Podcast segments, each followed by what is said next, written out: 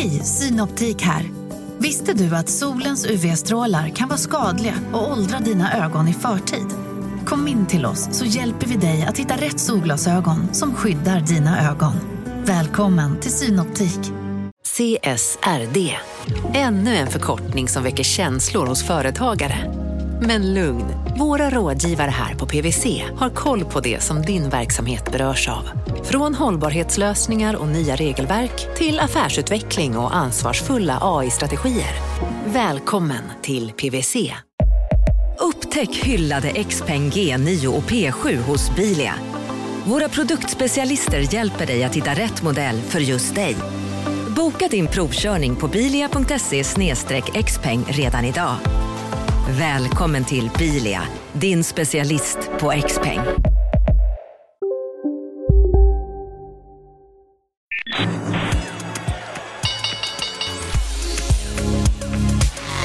Det här är Marknaden med Helene Rothstein. Hej och välkommen till Marknadens fredagsavsnitt där vi varje vecka pratar om sånt som hänt i ekonomin under veckan som gått. Helene Rothstein som i vanliga fall sitter här, hon är på höstlov. Jag som vikarierar heter Jakob Bursell och som vanligt har vi rotat fram tre ämnen från den här veckan. Vi ska prata om kursexplosionen i skämt, kryptovalutan Dogecoin och Elon Musks Twitter-affär. Eh, vi ska prata om bolaget som vill köpa din bostad. Allt du behöver göra är att fråga. Och så ska vi prata om logistikmarknaden där samgåendet mellan Budbee och Instabox nu är godkänd. Det kallas för last mile och vi ska fråga oss varför den här affären sker och vad den betyder. Med oss i studion sitter min kollega Gunnar Harjus, producent för vår kryptopodd Kryptoteket. Vi har med André Brännmark, en av grundarna till startupen Movesta. Och med oss från Göteborg på länk har vi Jon Perslov på Pindeliver. Välkomna! Tack så mycket, kul att vara här. Då kör vi igång. Eh, det här är alla med på. För tio år sedan hette de eh, Posten, skänker DHL.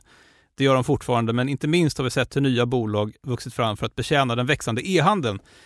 Två av de stora är Instabox och Budbee som nu går ihop och bildar Instabee.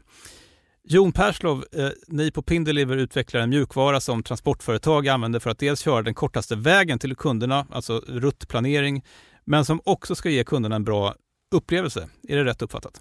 Det är helt korrekt uppfattat. Eh, en leveransplattform eh, som vi säljer som en, en SaaS-lösning. Eh, så om man är en transportör och har transportköpare som vill ge bra leveransupplevelser så kan man bli en Budbee om man säger så, om man använder oss. Just det. Och om du då får spekulera, vad, vad, vad, tror du att bakgrunden till den här affären mellan Instabox och, och eh, Budbee är? Jag skulle vilja säga att det, är, det har varit en väldigt disruptiv marknad eh, under de senaste åren. Det är, en, det är en ny företeelse och det är naturligt att det dyker upp många nya aktörer. Eh, mycket riskkapital. Eh, och den senaste tiden så har ju riskkapitalisterna kanske ställt lite högre krav på lönsamhet. Eh, och här ser vi två aktörer som eh, Budbee som började med hemleveranser och sen började med boxar och Instabox tvärtom, började med boxar och sen gick över till hemleverans. Så att de har ju liknande verksamheter och det finns ju skalfördelar förstås. Många eh. konsumenter ju vant vid att eh, de här hemleveranserna är, är um, ofta i alla fall gratis. Är det alltså ohållbart då? Ja, det skulle jag säga. Det har vi ju redan sett att det, det börjar kosta. Eh, även om det alltid står att det är fraktfritt så är det alltid någon som betalar i slutändan. Eh, naturligtvis. Eh, men det har ju varit en, en, eh, svårt att få, få lönsamhet i last mile. Det krävs ju bra verktyg och att man optimerar både sträcka men också vad man har på flaket. Liksom. Och det är klart, finns det två stora aktörer som kör med, med budbilar även på motorvägarna mellan, för att lösa nästa dag eller samma dag leveranser så finns det ju möjlighet till större lönsamhet om man slår ihop de här två bolagen. Just det.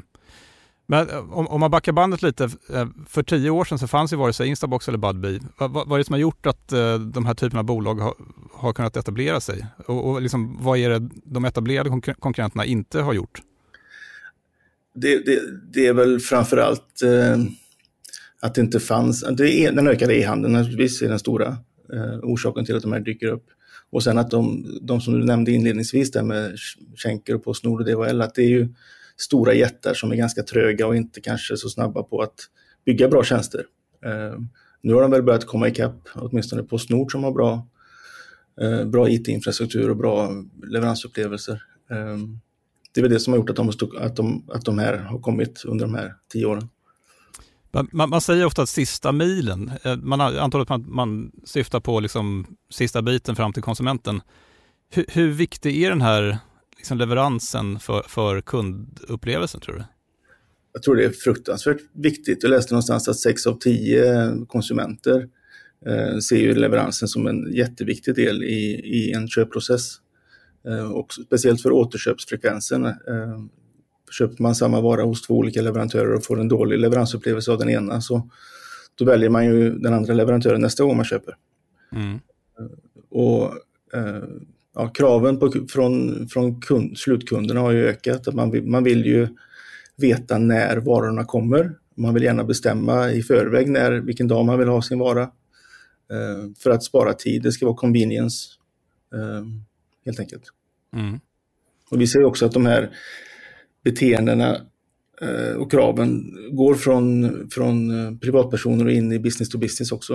Eh, vi jobbar ju idag med, med kunder som levererar till företag och butik och där börjar också de här kraven på en bra leveransupplevelse komma. Mm. André, du är, du är också konsument. Stämmer. Hur, hur, är, är leveransen en konkurrensfaktor tror du? Eh, ja, det skulle jag säga eh, fantastisk upplevelse i flera av de här bolagen tycker jag jämfört med hur, eh, hur man har sett tidigare på marknaden från till exempel UPS och Fedex. Eh, så definitivt. Mm. Gunnar? Ja men det vet man ju alltså, det, det finns ju bo, på riktigt bolag som jag undviker att beställa från för att då kommer de till någon shady kiosk liksom i andra sidan stan. Och alltså så här, bildelar och grejer och sånt där typ, som jag, som jag liksom verkligen försöker hitta andra leverantörer på för att leveransen är kass. Alltså jag tror att det där är en ganska universell upplevelse i alla fall typ i storstäder. Mm. Men du Jon, är det här liksom en, en en marknad där stordriften är så viktig att vi bara kommer få se ett, ett fåtal aktörer som kan göra de här sista liksom last mile-leveranserna? Alltså Sverige är ett svårt land rent demografiskt. Eh, att hitta lönsamhet och hemleveranser, eh, det fungerar egentligen bara i storstäderna, eh, skulle jag säga. Ehm, men det, så att i storstäderna så ser vi ju också att det, där dyker det upp uh, idéer som, som kanske är lite crazy och, och wild, så där, Kaval eller Urbit och de här som kanske inte har så mycket ja, de, de, är inte hållbara i längden, men, men tack vare en hype och uh, att det är tätbefolkat så funkar det. Så det kommer nog finnas uppstickare och, och nya idéer som poppar upp, som, som sätter sig på vissa ställen. Uh, det kommer det göra. Men, men det kommer att ske en konsolidering. Det är ju naturligt på en sån här marknad där det har varit disruptivt en längre tid att bolag slås ihop och mindre, mindre spelare slås ut. Och kanske också då en, en utslagning, eller om, om riskkapitalbolagen eh, tröttnar på att stoppa in pengar? Ja, det har vi redan börjat se att eh, Urbit har väl till och med sagt att pengarna tar slut här i, i december. Eh, där har de ju pumpat in pengar och det har aldrig blivit, blivit någonting utav det. Men, men du Jon, en, annan eh, tycker jag intressant fråga här är också var i, i, i den här kedjan som värdena kommer uppstå i, i framtiden. Jag, jag, pratade med någon i veckan som, som berättade att den här infrastrukturen som nu skapas mellan e-handlare och konsument, det är liksom den som kommer att eh, bestå. Alltså e-handelsföretagen kommer kunna komma och gå, men det här, det här logistiklaget som finns däremellan, det är där liksom ett, det bestående värdet eh, skapas. Ligger någonting i det eller? Ja, ska jag säga. Det, det, det, det behövs ju, det är, en, det är, en, kombination av bra IT-infrastruktur och eh, beteenden som sätter sig. Eh, som gör, som, som, som vi har att spela med i den här branschen. Eh, ja, Mm. Ja, alltså än en gång typ lite anekdotisk bevisföring, men alltså, jag tycker liksom, generellt när man handlar på internet så handlar man mindre och mindre från typ en e-handelsplattform och mer och mer från typ Klarna eh, som någon slags här övergripande stor vag affär och så får man det levererat av typ Budbee eller whatever. Jag tror absolut att liksom, den typen av mönster kommer bli tydligare och tydligare i framtiden. Att de här stora liksom, som erbjuder de här helpaketeringslösningarna är de som vinner. Liksom. Du, väl, du, väljer betalningssätt och du väljer leveranssätt. Och sen väljer e-butik typ. Ja. sen väljer du bara. Ja. hållbarhet, hållbarhet ska jag säga kommer också vara viktigt framöver tror jag. Eh, konsumenterna är liksom mer medvetna eh, och förstår kanske att det inte är hållbart att, och ha samma dagleverans från Apotea när man vet att det kommer liksom köras över halva Sverige för att jag ska få det i, i en box ikväll. Just det. Men du, eh, hur, hur, tror du att man tänker nu då? Um, på, på Instabox och, och Budbee. Nu har man två stora bolag som har gjort ungefär samma sak. Um, ja, nästan samma sak i alla fall. Vad, vad, vad, vad, gör man för att göra något bättre av det här då? Jag tror de kommer agera på, sin, på de skalfördelarna som är, som är uppenbara. Um, det kommer säkert innebära en del, uh, jag vet inte, uppsägningar, att flottan, flottan görs om att deras infrastruktur och, och liksom nät av bilar och, och, leder över Sverige kommer att göras om för att, eh, för att optimera och, och få mer lönsamhet. Men det här med, med ruttoptimering, hur, hur pass mycket finns det att spara där eh, genom att köra den kortaste vägen? Är, är det, liksom, det handlar om bränsle och det handlar om eh, löner och, och hållbarhet såklart också? Eller? Ja, alltså ruttoptimering är mer en, en hygienfaktor skulle jag säga. Eh, det som påverkar hur långt man behöver köra det är egentligen volymen av stopp och eh, vilka tidsfönster man har att passa.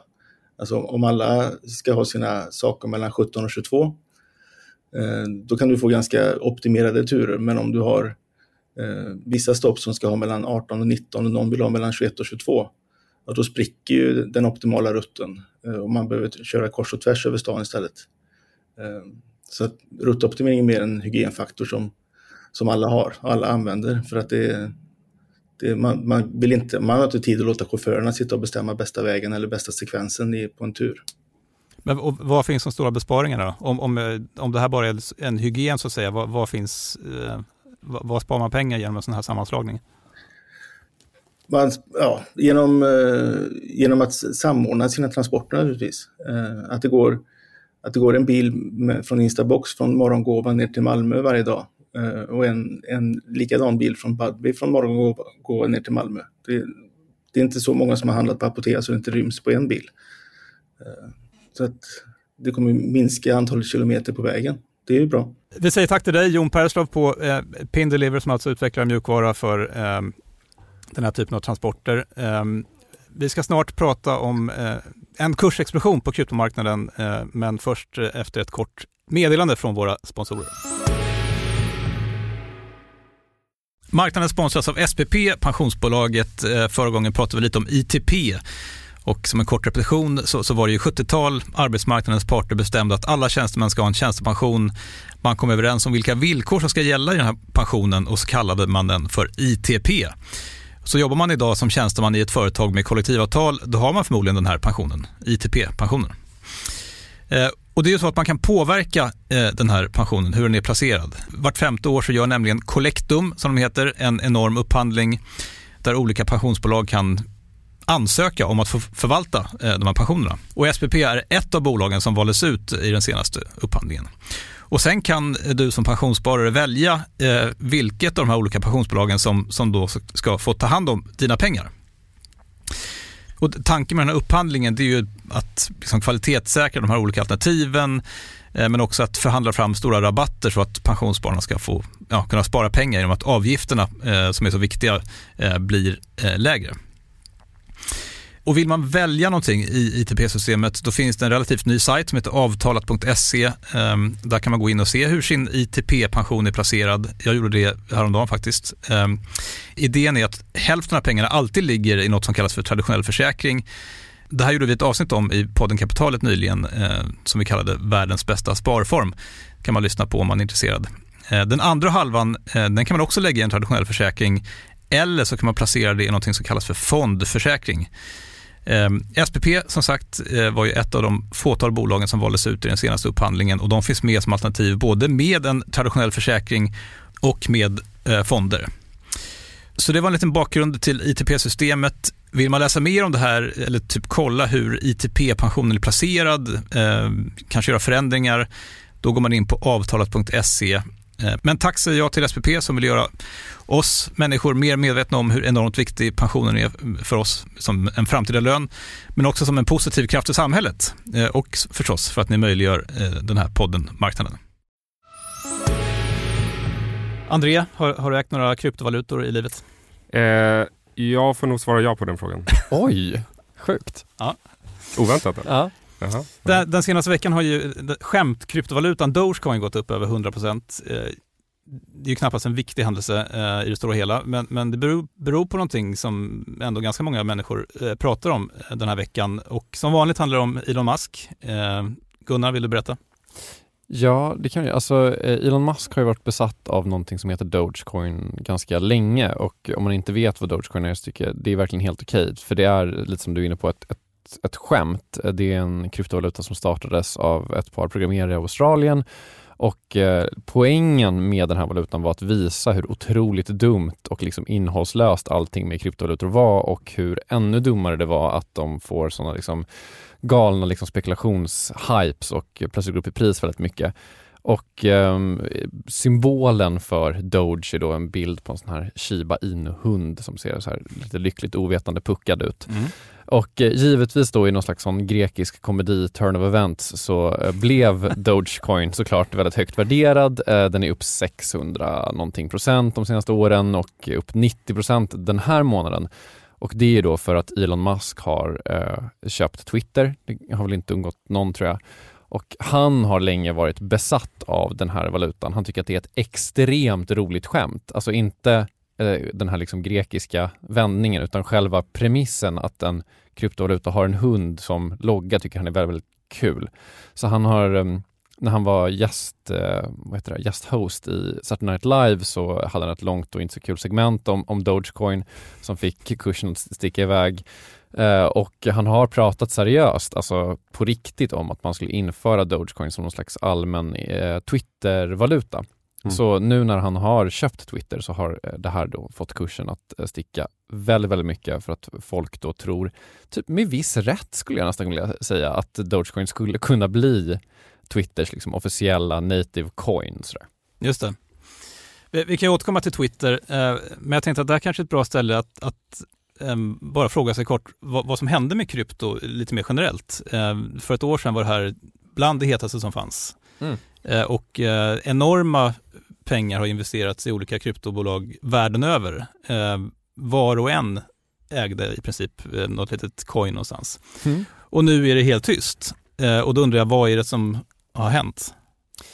Ja, alltså det som har hänt är det som har hänt i ekonomin i stort, det vill säga att eh, mer eller mindre spekulativa tillgångar har ju liksom gått ner väldigt, väldigt mycket och jag tror att även de mest inbitna liksom, kryptofanboysen eh, skulle säga att ganska många kryptovalutor i alla fall är rent liksom, rakt av spekulativa tillgångar. Det finns inte så mycket underliggande värde i många av de här. Sen så är väl frågan, finns det underliggande värde i någon? Det, ja, om det tvistar de hyfsat lärda. Men eh, liksom man sa också liksom att bitcoin skulle vara någon slags eh, inflationshedge. Det har det ju inte varit utan det, tvärtom har det varit så att på liksom krypto-Twitter så sitter folk och är, är, mer nyfikna på olika liksom amerikanska inflationsbesked än vad man är i den, den riktiga vanliga ekonomin. Alltså så här, det, det, är verkligen så att, att krypto har Eh, man har visat att det, det, hänger verkligen starkt ihop med börsen och det har ju också att göra, ska sägas, med att många stora börsbolag eh, och eh, fonder och den typen av grejer har investerat hårt i krypto. Så att mm. när, när de går ner så går krypto ner också och tvärtom så att säga. Men det, det, finns ju olika delar här. Dels de här kryptovalutorna eh, och där har transaktionsvolymerna eh, kollapsat. Alla de här börserna som finns noterade, kryptobörserna, deras aktiekurser är ju liksom eh, sprängda. Men, men det handlar också om att det fanns faktiskt en väldigt utbredd tro på att kryptotekniken, alltså blockkedjetekniken, skulle förändra samhället på riktigt. Tror vi inte på det längre eller? Vi och vi, alltså det finns ju såklart de som tror på det fortfarande, även om de såklart är färre. Alltså det hänger ihop. Alltså, det är klart att det fanns jättemånga människor som hade investerat i krypto med någon slags sån vag känsla av att jag investerar i någonting rejält för att väldigt många väldigt smarta människor, eller till synes smarta människor, säger att det finns jättemånga use cases och jättemycket användningsområden som är, kommer liksom revolutionera världen. Och när, när kursen går ner så tänker man, ja, ah, det stämde väl inte då. Sen finns det såklart de som på riktigt liksom har satt sig in väldigt mycket i det här och tänker mycket på de här grejerna som på riktigt tror att så här, jo men det finns användningsområden och eh, jag tror att väldigt många, även folk som inte typ tror på bitcoins värde i längden, tänker att jo men det kan nog finnas värde i kryptoteknik. Liksom. Mm. Mm. Sen är det säkert många som bara behöver frigöra kapital i sämre tider också, eh, behöver pengar till annat och, och det är väl ett naturligt skifte kanske också i, mm. i sådana här tider. Jag tänker på dig André, du har jobbat eh, med fastighetsutveckling, du är bostadsmarknaden nu, eh, vi kommer mm. dit snart. Eh, där trodde man att krypto skulle kunna göra en rejäl skillnad. Jag menar typ fastighetsregister, ja. till och med bostadstransaktioner och sånt. Då. Ja, nej, men vi ser några sådana initiativ faktiskt. Till och med i samarbete med Lantmäteriet som ja, är då en, en, en, statlig organisation som har varit inne och, och dribblat i, i det där området. Och det finns flera bolag eh, idag, i, eh, framförallt i USA, då, som har gjort olika typer av play inom krypto och fastigheter där man dels fragmenterat olika fastigheter och du kan investera i delar av en fastighet eller eh, poola ihop olika fastigheter och investera i en kryptofond som sedan äger de fastigheterna. Så ja, det, det finns ett, ett gäng sådana bolag, eh, men det är nog fortfarande ett, ett tidigt skede också. Mm. Sen ska man ju tänka, liksom, alltså, Lantmäteriet, de skiter i vad kursen för bitcoin är. Eh, det, för, för de, de tänker att det finns ett reellt värde i den här liksom ganska krångliga men förhoppningsvis väldigt säkra tekniken att kunna liksom säkra ett register och tänker att där, där kan det finnas ett värde på sikt. Uh, och de kommer inte lägga ner sina projekt bara för att liksom, uh, ethereum har tappat 70% de senaste liksom, sex månaderna. Mm. Men, men, men, det verkar finnas en diskrepans här ändå mellan då, eh, vanliga människors liksom, behov av sån här teknik och de fullständigt enorma pengar som har investerats i, i då krypto, det som kallas för metaverse. Men vi har Facebook exempelvis, de har investerat tiotals miljarder dollar eh, i, i metaverse och till och med ändrat namnet till Meta. Liksom, mm. äh, jag, jag, tänkte på det som att man, man liksom hade bytt namn till, till typ fax 99. men, men det är väl lite som 3, alltså um, mobil, när 3G kom så bytte de dem till 3. Det är väl lite det typ. Ja just det, och nu är det 5G. Jaha, var det så? Ja, det ja. hade jag ingen aning. Ja. Det spekuleras om att, att, det här, att, det har liksom, att man har begått enorma misstag eh, i den här kryptouppgången. Just för, just för att många har trott att det här är verkligen är framtiden. Alltså, jag tänker att eh, det finns ju liksom en, en generell ett generellt problem bland väldigt många människor inom krypto och Mark Zuckerberg kanske är en av dem faktiskt som är att de är väldigt bra på att förstå en ganska krånglig sak som är kryptovalutor, blockkedjor, teknik och den typen av saker. Och därför tänker de att de kan förstå alla problem och sen så slår de ihop den kunskapen de har, det vill säga kunskap om kryptovalutor med eh, den kanske bristfälliga kunskapen de har om liksom, stora samhällsproblem och så tänker de, ja, men, jag, den här smarta grejen kommer kunna lösa det. Jag tror att just nu råder det inga tvivel om att eh, ganska mycket pengar har liksom pissats bort i metaverse-satsningar. Sen får man ju se, alltså så här, det kanske är så att jag sitter här med liksom egg on my face om några år och eh, är liksom inkopplad i någon sån VR-rigg för att prata med mina kompisar över metas liksom ganska kackiga liksom, som mötes. Det är någon som Google Meets möter Second Life typ. Men, men eh, ja. Men jag menar, det, det, är tidigt. Det, måste man, det ska man ge dem ändå. Det är tidigt. Någon måste satsa pengar. Ska det vara Mark Zuckerberg? Nej, kanske, det kanske inte ska vara det. Men nu är det det. Liksom. Uh, André, har du, har du Twitter? Eh, ja. ja. Jag kommer inte avslöja vad jag heter dock. Men... Nej, okej. Okay. det här är lite off topic. Eh, men vi kan ju ändå bara kortfattat komma tillbaka till Elon, för det är något som många snackar om. Han har varit i full färd nu i veckan eh, att debattera då Twitters affärsmodell. Eh, jag tänkte, Gunnar, du kan väl bara sammanfatta det här jättefort? Och affärsmodellen? Ja, men, eh, liksom, han köpte Twitter för 44 miljarder. Det var absolut inte värt 44 miljarder. Eh, nu behöver han snabbt eh, hitta ett sätt att eh, casha in eller liksom hitta nya snabba intäktsströmmar på. Och eh, först så föreslog han att man det skulle kosta 20 dollar i månaden att vara verifierad som är det är väl ett sätt att få lite extra cred helt enkelt på Twitter. Uh, och sen så efter uh, att han fick ganska mycket backlash på det så sänkte han den summan till 8 dollar Eh, parallellt med det här har han också sagt upp en betydande del av Twitters anställda för att kapa kostnader. Mm. Det är väl den snabba summeringen typ. Ja. ja. Är det här en så tokig idé eller? Ja, det är ju, beror lite på vad idén är. Jag tror det är svårt att, svårt att säga vid det här, vid det här laget vad han har för, eh, för endgame med, med sin plan här, men ja. Men jag, jag, tänker liksom att det är generellt är det ju ett, det är ett liksom erkänt svårt problem att få folk att betala för saker som de har fått gratis under lång tid och det här är ju en sak som är helt gratis nu och som det är ju så uppenbart att det är, kostar noll dollar att producera ett, ett, ett blått litet liksom bock bredvid någons namn. Det är ganska svårmotiverat för folk att liksom tänka sig att man ska betala 8 dollar i månaden för, för det, tänker jag. jag tänk, alltså, oavsett vad man liksom tycker om hela den här grejen så eh, tycker jag liksom det är ganska rimligt ändå att säga att att Elon Musk har varit ganska opåläst när han har köpt Twitter. Dels liksom om värderingen och priset och massa problem som dykt upp efter att han liksom skrivit på ett bindande avtal för att köpa hela Twitter. Men också liksom problem som har med kanske, vad ska man säga, mer typ så, det här är en demokratiuppbärande plattform och hur man ska sköta den. Liksom det första han gjorde var att han sa att han är liksom en free speech absolutist och att han vill att liksom alla ska få säga vad som helst på Twitter och den typen av plattformar har vi ju redan. Det är ju liksom 4chan och Flashback Forum och saker som vi absolut inte vill att Twitter ska vara. Eh, och sen så efter det så känns det som att han har speedrunnat typ 10 års sociala mediemoderering på en vecka i sitt huvud. Och det tyder ju på att han har inte koll på vad det är han har gjort. Och den generella bilden av Elon Musk tycker jag har påverkats ganska mycket, inte bara hos liksom som shitposter på Twitter utan också liksom bland typ New York Times kolumnister som menar att så här, ja, men det här var kanske inte så smart gjort, han kanske inte är så smart. Liksom bilden av Elon Musk har väl gått någonstans från att han är geniet som ska liksom förändra hela världen till att, okej, okay, han är en arvtagare till en smaragdgruva i liksom ett apartheidland som hade lite tur. Och eh, nu då så ska han eventuellt förstöra Twitter. Ja, men, ja. ja.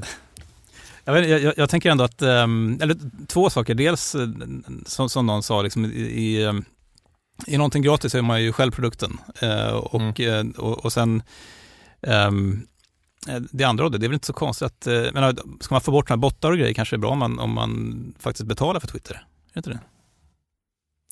Jo, alltså det är uppenbart att bottar är ett problem på Twitter. Eh, sen så finns det ju, det finns ju olika vägar framåt och jag menar så här, eh, om man själv är produkten, om man liksom användarbasen är produkten och användarbasen inte vill betala, då, då, är ju inte det lösningen. Vare sig, man, vare sig det skulle vara lösningen eller inte, så är det inte de facto lösningen. Ja, det är en man som väcker känslor. Uh, vi får se vad som händer med Twitter. Eh, vi ska gå vidare och alldeles strax prata om, om eh, bostäder och en ganska eh, innovativ idé om hur man ska eh, hjälpa eh, köpare och säljare att hantera risken på bostadsmarknaden. Och det kommer efter det här. Eh, marknaden sponsras av Karla. Eh, vi pratar ju en hel del om bilar här på kontoret. Eh, karla har ju skapat, skulle jag säga, det som är standarden för hur man idag köper och säljer bilar på nätet. Kort bakgrund bara. Karla säljer och leasar begagnade elbilar och laddhybrider på karla.se. Alltså en helt digital upplevelse. Och man har gjort det här med ett nästan maniskt fokus på vad en bilköpare faktiskt behöver. Jag gjorde ju en intervju med en av grundarna, Patrik Illerstig, i marknaden här eh, ganska nyligen, eh, daterad 25 mars, om man vill lyssna på den. Eh, men där berättar han hur de kom in i det här lite från vänster för att försöka uppfinna hela den här liksom bilköpupplevelsen från början. Och de har idag, vilket är rätt otroligt, 4,8 i betyg eh, på Trustpilot. Jag, jag har sett många företagssidor på Trustpilot, men det här är nog bland eh, det bästa jag någonsin sett faktiskt. Man kan sälja bilen till Karla också. Eh, då går man in på karla.se, delar lite info om bilen, sen får man en gratis värdering och ett bud. De hämtar bilen helt gratis i hela Sverige och så har man pengarna på kontot i samma stund som de hämtar bilen. Det är grymt. Eh, så ska du köpa en ny bil eller sälja din gamla, eller båda delar för den delen, gå in på karla.se och eh, kolla. Alltså karla.se och Karla stavas med C. Tack så mycket till Karla. Vi ska gå över till bostadsmarknaden. Eh, priserna på lägenheter och villor fortsätter att falla. Det framkom i veckan av statistik från Booli som är alltså SBAB. Eh, André, hur länge gissar du att det här kommer pågå? Ja, svårt att säga. Alltid svårt att spekulera om eh, framtiden och se in i någon spåkula. Men eh, det finns ju definitivt en övervägande risk att det kommer pågå ett tag till. Vi, vi, ser nu att beteendet på, på bostadsmarknaden förändras. I många år så var det vanligt att folk eh, köpte en ny bostad medan man fortfarande ägde sin gamla. Eh, nu, eh, vad jag förstår, så är det mycket vanligare att man, att man eh, säljer sin lägenhet först. Men när man tänker på det så oavsett hur man gör så har man ju rumpan bak eftersom man antingen behöver köpa eller sälja under viss stress då. Mm. Eh, och du André, du och dina medgrundare om Movesta, ni har en lite udda affärsidé och det är att ge säljarna ett garantipris eh, på bostaden. Alltså kunderna kan köpa en ny bostad och, och lyckas de inte sälja sin bostad så, så går ni in och tar smällen typ. Precis. Eh, vi ska bara lite hur det här funkar, eh, men, men första som slog mig, vad, vad kom liksom den här idén ifrån? För det här är någonting ganska nytt i, i Sverige ändå. Ja, eh, idén växte fram över tid skulle man kunna säga, eller snarare behovet av lösningen på ett signifikant problem som, som vi observerade. Eh, och observationen var lite det som du är inne på just nu, att eh, i princip för alla som ska byta bostad så uppstår en slags moment 22 problematik där du behöver ta beslut. Okej, okay, ska jag sälja min befintliga bostad först eller köpa en, en ny bostad först? Eh, och Det där finns det liksom inget riktigt bra svar på. Eh, alla banker, alla mäklare, alla som är involverade i, i bostadsbranschen har en hel del eh, underlag och artiklar som de delar med det här. Men, men sanningen är att oavsett vilket alternativ du väljer så har du tagit en, en väldigt stor risk. Köper du först, ja då är risken ganska uppenbar att då vet du inte vad du har för budget att röra dig med och eh, sker ett skifte i marknaden som vi har sett nu till exempel så är det många som sitter väldigt dåligt till, tyvärr.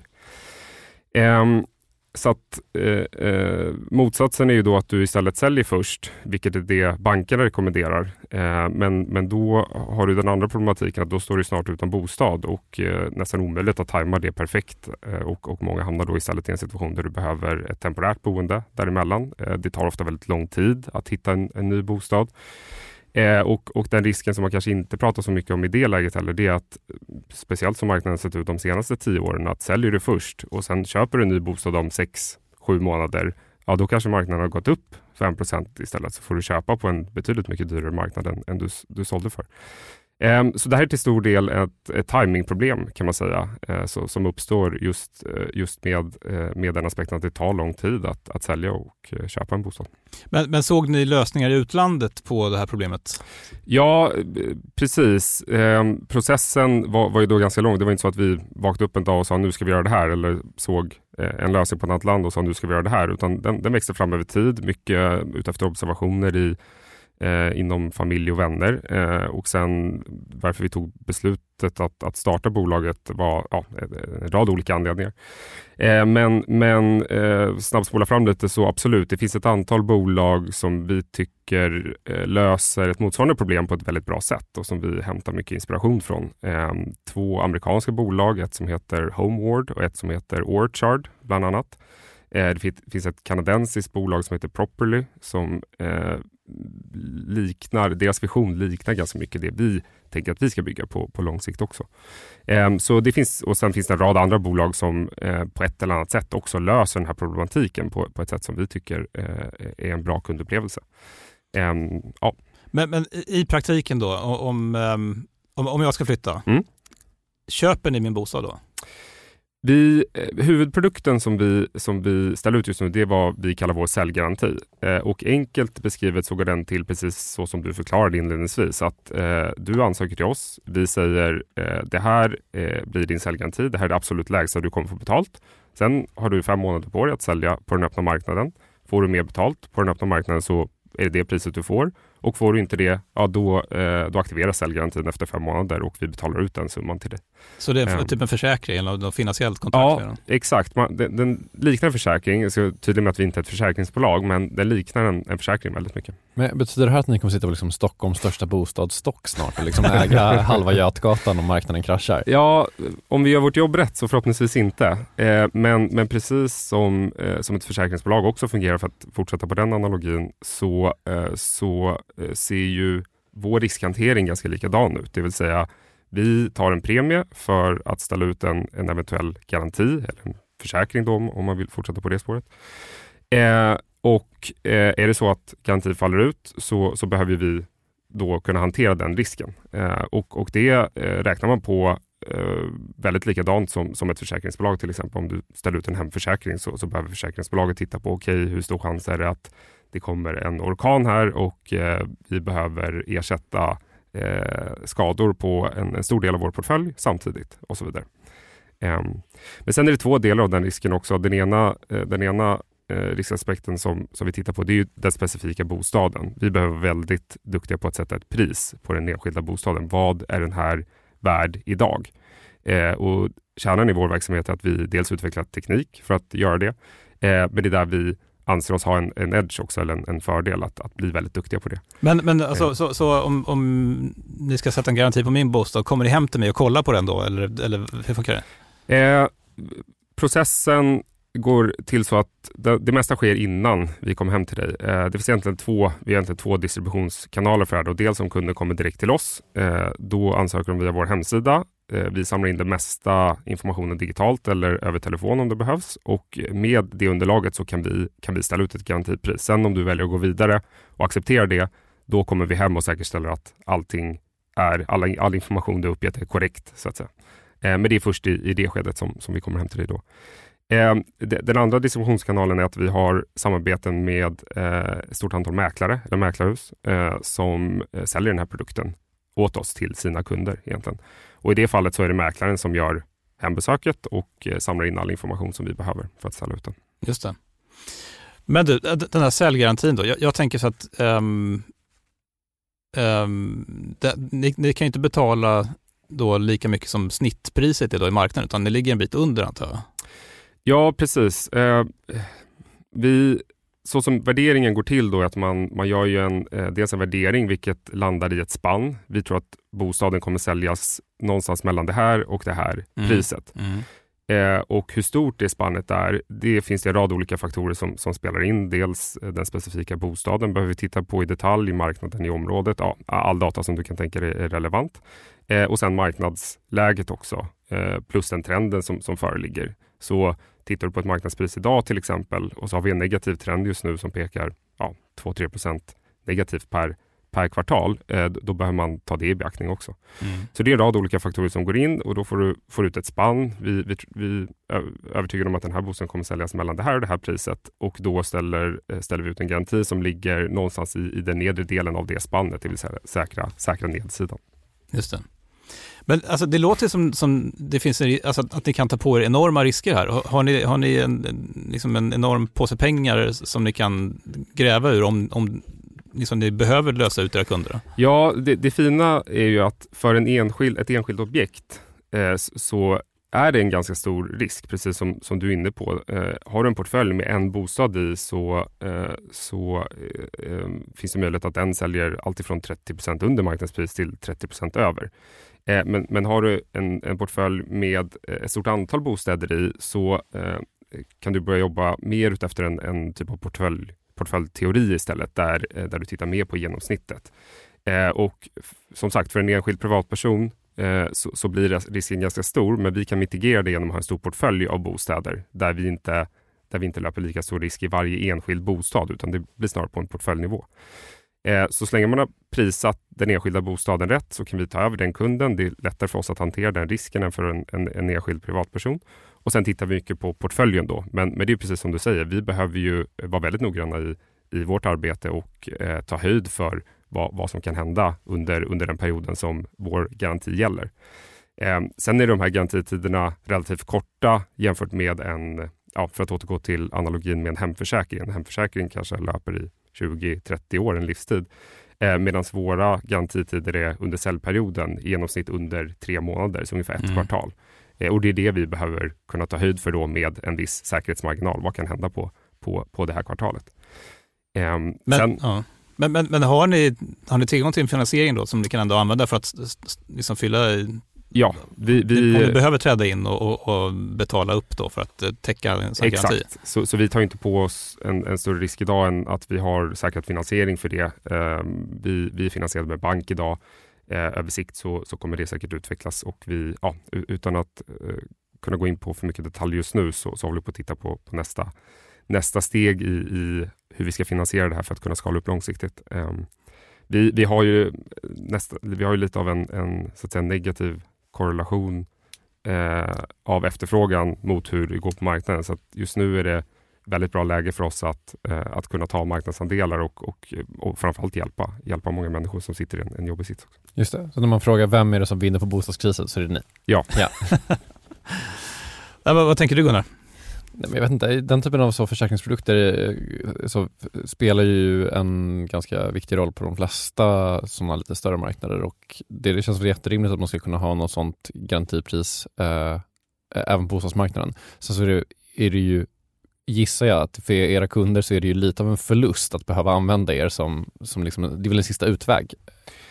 Ja, jag skulle snarare säga att lite tvärtom också. Eh, det beror såklart vad du prisar in i det hela och hur, hur du ser på hela processen. Men, men eh, så, så, som många opererar idag är ju egentligen utifrån det här eh, moment 22 problematiken som, mm. som vi diskuterade tidigare. Att man, man, eh, man köper först och, eh, och sen löper man en risk att, att priset på sin egen bostad går ner. Och, och den risken, eller pengar du förlorar i ett sånt läge är betydligt mycket, mycket, eh, mycket större än, än vad, eh, vad du får betala för, för att säkra upp den risken. Just. Um, men någon förlorar ju ofta lite i en sån här affär. Ja, nej, men, ja. absolut. Det, ja. det, kostar pengar. Eh, man kan jämföra det lite med, om man tittar på, på ja, nu pratar vi väldigt mycket försäkringar här. Jag inte hur, det känns som någon kommer det, anmäla dig för något att du bedriver liksom oskälig försäkringsrörelse. försäkringsrörelse men de, de försäkringarna som man kan argumentera för de absolut viktigaste att ha, det är ju de som potentiellt kan ruinera dig. Eh, många köper en försäkring till sin iPhone eh, för att man vill ha den tryggheten. Men sanningen är att eh, om din iPhone går sönder och du har haft råd att köpa den från början så blir du inte direkt ruinerad om, du, om, om den går sönder. Eh, men sen har du försäkringar som hemförsäkring till exempel, vilket nästan alla har. Därför att om din bostad brinner ner så, eh, så, blir, så riskerar du att sitta i, i i finansiell ruin i princip om mm. du inte har en hemförsäkring. De allra flesta betalar ju en premie för en hemförsäkring som de aldrig behöver använda. Så, så det kostar ju dem pengar att ha den försäkringen såklart. Eh, och och eh, det är såklart en, en, eh, en liksom limiterad risk att, den, att du behöver använda den någon gång. Men, men har du inte den så, så riskerar du väldigt stora problem. Och Det är lite det vi ser just nu i, i marknaden också, att det är många som sitter i den situationen som har, har köpt bostad först, eh, för att de kan inte sälja först. De har eh, familj, barn mitt uppe i livet. Det, det, är liksom inte ett alternativ att sälja först och sen hoppas på att man hinner hitta en ny bostad, vinna den budgivningen, stänga den affären, flytta in eh, innan, du, innan du då frånträder din, din tidigare bostad. Eh, så, så det är ett reellt problem som, eh, som vi ser eh, att det finns en stor efterfrågan på. Men generellt, hur har bankerna agerat? Vet du det? Alltså i den här eh, vändningen i marknaden. Mm. Är, är de, för förut var det mm. alltså så att du, gjorde dina sådana här kalpkalkyl eller vad det hette, de skulle ja. säkerställa att du kunde betala dina kostnader om räntorna gick upp. Mm. Nu har räntorna gått upp och även elpriserna och andra priser också. Ja. Eh, och har, kräver bankerna nu att folk ska sälja först eller hur ser det ut? Ja, alla banker eh, enligt vår vetskap agerar i princip likadant nu. Eh, vi, och de säger till sina kunder sälj, sälj först. Eh, och problemet som, som händer då är att när alla ska sälja först då har vi ett väldigt stort utbud men vi har ingen efterfrågan och man skapar långa flyttkedjor där de, många av de affärerna som görs då är, är ju villkorade på att man säljer. Om alla ska sälja först och ingen kan köpa först, då, då, då blir det ju en upplåsning i, i, i marknaden. Och det är den vi ser att vi kan hjälpa till att, att lösa upp då, att, att eh, ge folk tryggheten att kunna köpa först och, och sälja sen. Eh, men, men vi har haft två stora banker som har nått ut till oss den senaste tiden och, och vill, eh, vill ha ett, ett partnerskap, ett samarbete för att kunna ha ett alternativ att erbjuda till sina kunder. Mycket på grund av just kundupplevelsen också. Deras kunder ringer idag, jag ska flytta, vad, vad ska jag göra? Alla säger ja, sälj först. Det, det är min enda rekommendation, sälj först. Eh, du, eh, du har inte så mycket alternativ ur vårt perspektiv. Och det blir ingen bra kundupplevelse och ingen bra lösning för, för kunden. Mm. Ehm, men, men och, och, kommer då till banken, för man kan då ta med sig någon garanti då som visar att uh, nu har uh, det här gänget gått in och garanterat min, min försäljning. Ja. Det, det, funkar eller? Ja precis, vi har, uh, vi har det godkännandet från ett par banker just nu och jobbar såklart på att alla banker ska, ska acceptera det som, som en försäljning. Mm. Hur, hur tjänar ni pengar på det här då? Vi tar en premie på slutpriset. Så när bostaden säljs i slutändan så, så tar vi ett arvode från, från det priset. Just det. Men slutligen, jag läste en gång eh, att eh, det kanske var en tidigare modell att ni också de facto köpte mm. bostäderna. Ja, vi har precis, vi, vi har egentligen två prismodeller. Den eh, opererar vi fortfarande också. Eh, det är huvudsakligen den här vi pushar utåt mot marknaden just nu, men vi har kvar den modellen. Eh, utvecklingen som har skett där är att vi i samarbete med eh, kapitalstarka aktörer som vill bygga upp portföljer av hyresbostäder samarbetar. Så, så om det är någon som vill realisera värdet på, på sin bostad direkt så kan man sälja den också. Eh, och då, eh, då har vi eh, partnerskap där vi stoppar in dem i en, i en portfölj egentligen. Så bygger en, en hyresportfölj kan man säga av, av fridliggande villor och, och radhus. Jaha, så då, då, säljer du men du kan bo kvar och, som hyresgäst då? Eh, du kan inte bo kvar i vår struktur men, men du säljer den. Du säljer den. Ja, så det står på nästan barbacka, eller inte, inte så barbacka. Ja. ja. André, tack så mycket för att du kom hit och berättade om Avesta. Tack för att jag fick komma hit. Gunnar, tack för din ja, insats. Ja, tack själv. Du har lyssnat på Marknaden där man alltså hör ett liveinspelat veckoprogram på fredagar och en längre intervju på måndagar, vanligtvis med Helene Rothstein bakom mikrofonen. Programmet produceras av Jesper Hagenborn. Eh, lyssna gärna på våra andra poddar, eh, Kapitalet och Kryptoteket med Gunnar Harrius eh, som vi har träffat här idag. Jag heter Jakob Bursell, jag är också ansvarig utgivare. Jag önskar er alla en trevlig helg. Hej då!